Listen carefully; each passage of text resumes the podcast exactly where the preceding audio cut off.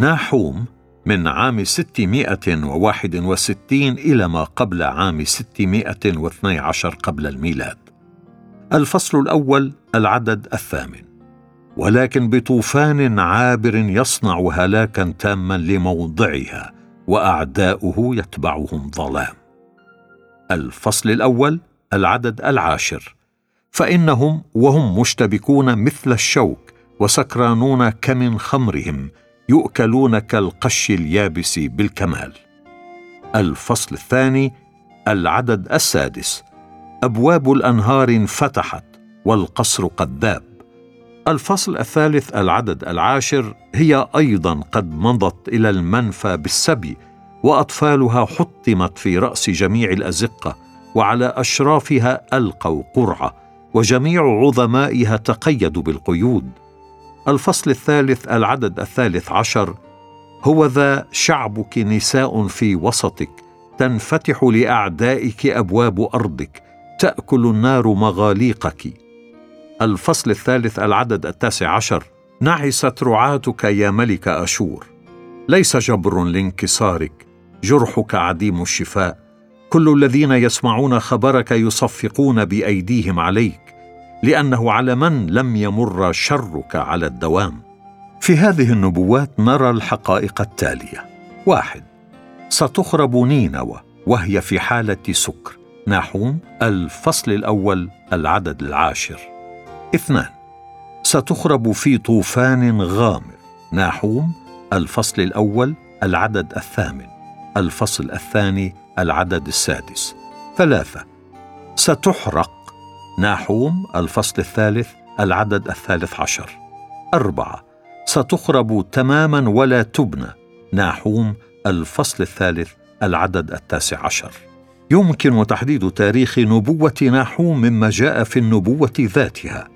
فإن التاريخ الأقدم ظاهر من حديث النبي عن حرب نوى أمون. الفصل الثالث العدد الثامن التي هي طيبة. ونحن نعرف أن هذا حدث عام 663 قبل الميلاد على يد أشور بني بال.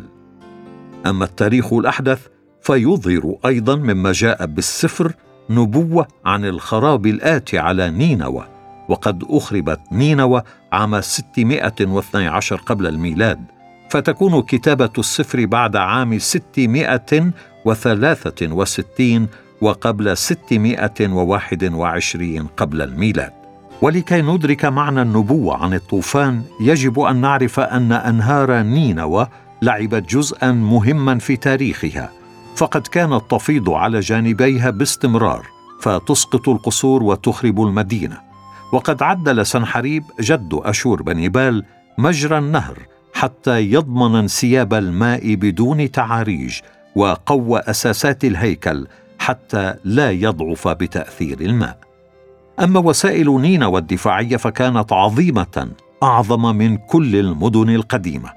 فقد كان ارتفاع السور ثلاثة وثلاثين مترا أي نحو عشر طوابق وسماكته ستة عشر مترا يكفي لمرور نحو ست عربات متجاورة. وكان ارتفاع أبراج السور ستة وستين مترا وكان لها خمس عشرة بوابة. والخندق المائي المحيط بها عرضه خمسون مترا ومحيط دائرتها سبعة أميال. وكان على العدو الآتي على نينا ومن الشرق أضعف نقطة فيها أن يهاجم سورا تحصنه القلاع ثم خندقين ثم سورين آخرين في مثل حجم السور الأول. كل هذا قبل الوصول إلى المدينة نفسها. وكانت المسافة بين السور الداخلي والسور الخارجي نحو سبعمائة متر. وتشهد البقايا الباقية اليوم من أسوار نينوى على صدق وصف ديودور الصقلي لعظمة وسائل الدفاع عن نينوى وكان سقوط نينوى سريعا ومفاجئا. بدأ بثورة بسماتيك المصري ضد الحكم الأشوري. وقد قضت هذه الثورة على مطامع أشور في مصر. ثم خسر الأشوريون أرض علام قبل موت أشور بني بال. وبهذا كانت عجلة العناية تدور ضد آشور. ومن ألغاز التاريخ الغامضة أن تسقط أشور التي بلغت قمة مجدها في عام 663 بعد هذا التاريخ بواحد وخمسين عاما ولا تقوم لها قائمة مرة أخرى. لقد زحف عليها سكزاريس ولكنه لم يستطع أن يخترق أسوارها فرجع عنها إلى غيرها من مدن السهل مثل تاريس ونمرود ودمرهما تماما. إن هناك شيئا غامضا يحيط بسقوط نينوى بهذه الصورة وفي أوج قوتها فلم يكن في قدرة أي قوة عسكرية أن تفعل بها ما تنبأ به ناحوم مهما أتيح لهذه القوة من أسلحة وحنكة حربية. لم يكن في مقدور أي قوة أن تخترق أسوار نينوى بسهولة تلك الأسوار الشاهقة وما عليها من أبراج قوية يتحصن داخلها جيش قوي علاوة على الخندق الذي بلغ اتساعه 150 قدما. لا يمكن أن يسقط كل هذا في خلال ثلاثة شهور من الحصار. وفي نهاية حكم آشور بنيبال اتفق الماديون مع القبائل المجاورة وهاجموا نينوى فسقطت في عام 612 قبل الميلاد بعد حصار ثلاثة شهور فقط. وهذه فترة حصار قصيرة جدا. لو عرفنا أن بسمتك حاصر أشدود تسعة وعشرين عاما وهي مدينة أصغر وأقل تحصينا من نينوى. وكان النبي نحوم قد تنبأ أنها ستسقط بسهولة كما تسقط ثمرات التين من الشجرة. نحوم الفصل الثالث العدد الثاني عشر. ويقول نحوم الفصل الثاني العدد السادس إن هلاك نينوى سيكون بفيضان أنهار. وقد أظهرت الحفريات أن هذا هو ما جرى لنينوى. فقد أسقط فيضان النهر الأسوار. فاستطاع الماديون والكلدانيون أن يستولوا على المدينة بسهولة. وقد كتب ديودور الصقلي وصفا لسقوط نينوى وقال فيه إن الأعداء كانوا يحيطون بنينوى ولكن الملك لم يهتم لثقته بانتصاراته السابقة فأقام الحفلات لجنوده وسكروا وعرف اراباسس قائد العدو هذه الحقائق من الفارين من المدينة فهاجمها ليلا بنجاح عظيم. وكانت خسائر الأشوريين هائلة بسبب السكر وعدم النظام. وحاول القائد الأشوري جمع الشمل وكانت ثم نبوة عند أهل نينوى. لا يستطيع عدو أن يأخذ نينوى ابدا إلا إذا أصبح النهر عدوا للمدينة اولا. وفعلا لم يستطع العدو أن يخترق الأسوار لما كانت المؤونة متوفرة بالمدينة. وظلت المدينة تقاوم ثلاث سنوات ولكن المطر نزل بشدة ففاض النهر. وتهدمت أجزاء من الأسوار المنيعة فخاف الملك ظنا أن النبوة قد تحققت فجمع ممتلكاته ونساءه داخل قصره وأغلقه ثم أحرقه. واقتحم الأعداء المدينة من الجزء الذي تحطم من السور ودخلوها عنوة وتوج أراباسس قائد الجيش المهاجم ملكا عليها. وانهارت نينوى.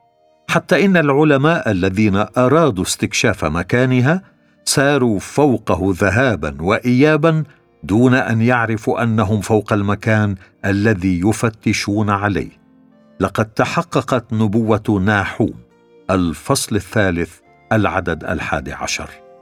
ولقد ظل مكان نينوى مجهولا حتى اكتشفه السير أوستن لايارد في القرن التاسع عشر وهو رحالة بريطاني وعالم آثار. ولقد كان كل ما لدينا من معلومات عن نينوى قبل ذلك مستمدا من الكتاب المقدس.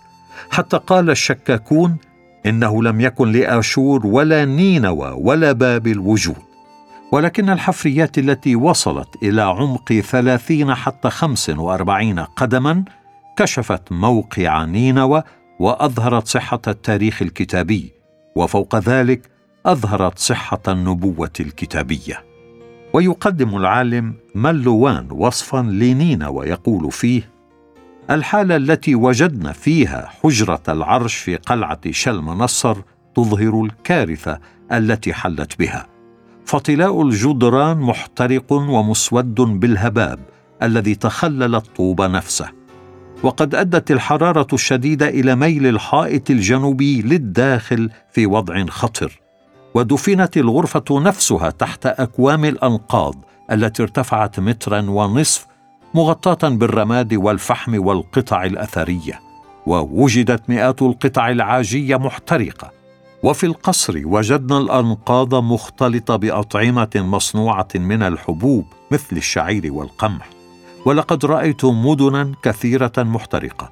ولكني لم أرى مثل هذا الحريق الانتقامي الذي لا يزال رماده باقيا.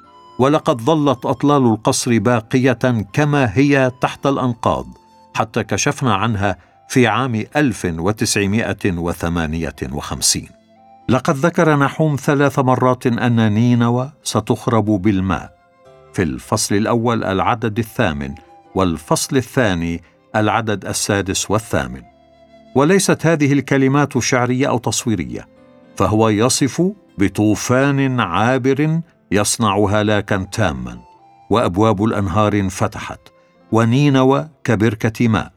وقد حدث هذا فعلا إذ فاض النهر فانهارت بعض دفاعات نينوى وسهل على الأعداء اقتحامها وتدميرها.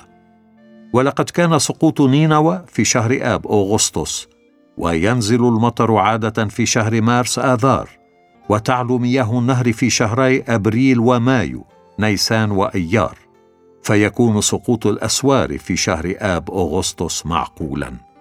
ولقد هاجم بعضهم هذه الفكرة بحجة أن نهر دجلة لا يمر بنينوى كما هو الحال اليوم.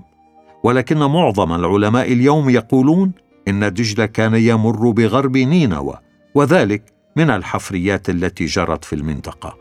وهاجم بعضهم الفكرة مرة أخرى وقالوا إن النهر لا يمكن أن يهدم السدود ويسقط سور المدينة ولكن نهر دجله قادر على ذلك علاوة على أن هناك احتمالين آخرين. الاحتمال الأول هو أن هناك نهرا ثانيا كان يمكن أن يسبب الفيضان هو نهر الخسر. وكان الأشوريون قد أقاموا سدا للتحكم في المياه وأقاموا بوابة يمر منها الماء للمدينة بحساب ويمكن للأعداء أن يحولوا ماء نهر الخصر بعيدا عن المدينة. فيقطع عنها ماء الشرب ماء دجلة لا يشرب ثم يطلقون الماء الموجود خلف السد ليغرقوا المدينة ومجرى نهر الخصر يتسع قرب نينوى حتى يشبه بركة الماء. نحوم الفصل الثاني العدد الثامن. وهناك نهر ثالث هو الزاب أو تبيلتو. تبيلتو كلمة أشورية معناها يمزق أو يجرف وهو يمكن أن يفيض فيمزق نينوى ويحملها معه. ومن هذا نرى بوضوح واحد ستخرب نينوى وهي مخمورة وربما كان سقوطها راجعا لتفكير أهلها في أن بلدهم لا يهزم فسكروا. اثنان أخربت نينوى بطوفان ماء. ثلاثة احترقت نينوى وصارت خربه تماما لم تبنى. رابعا صارت نينوى خافية.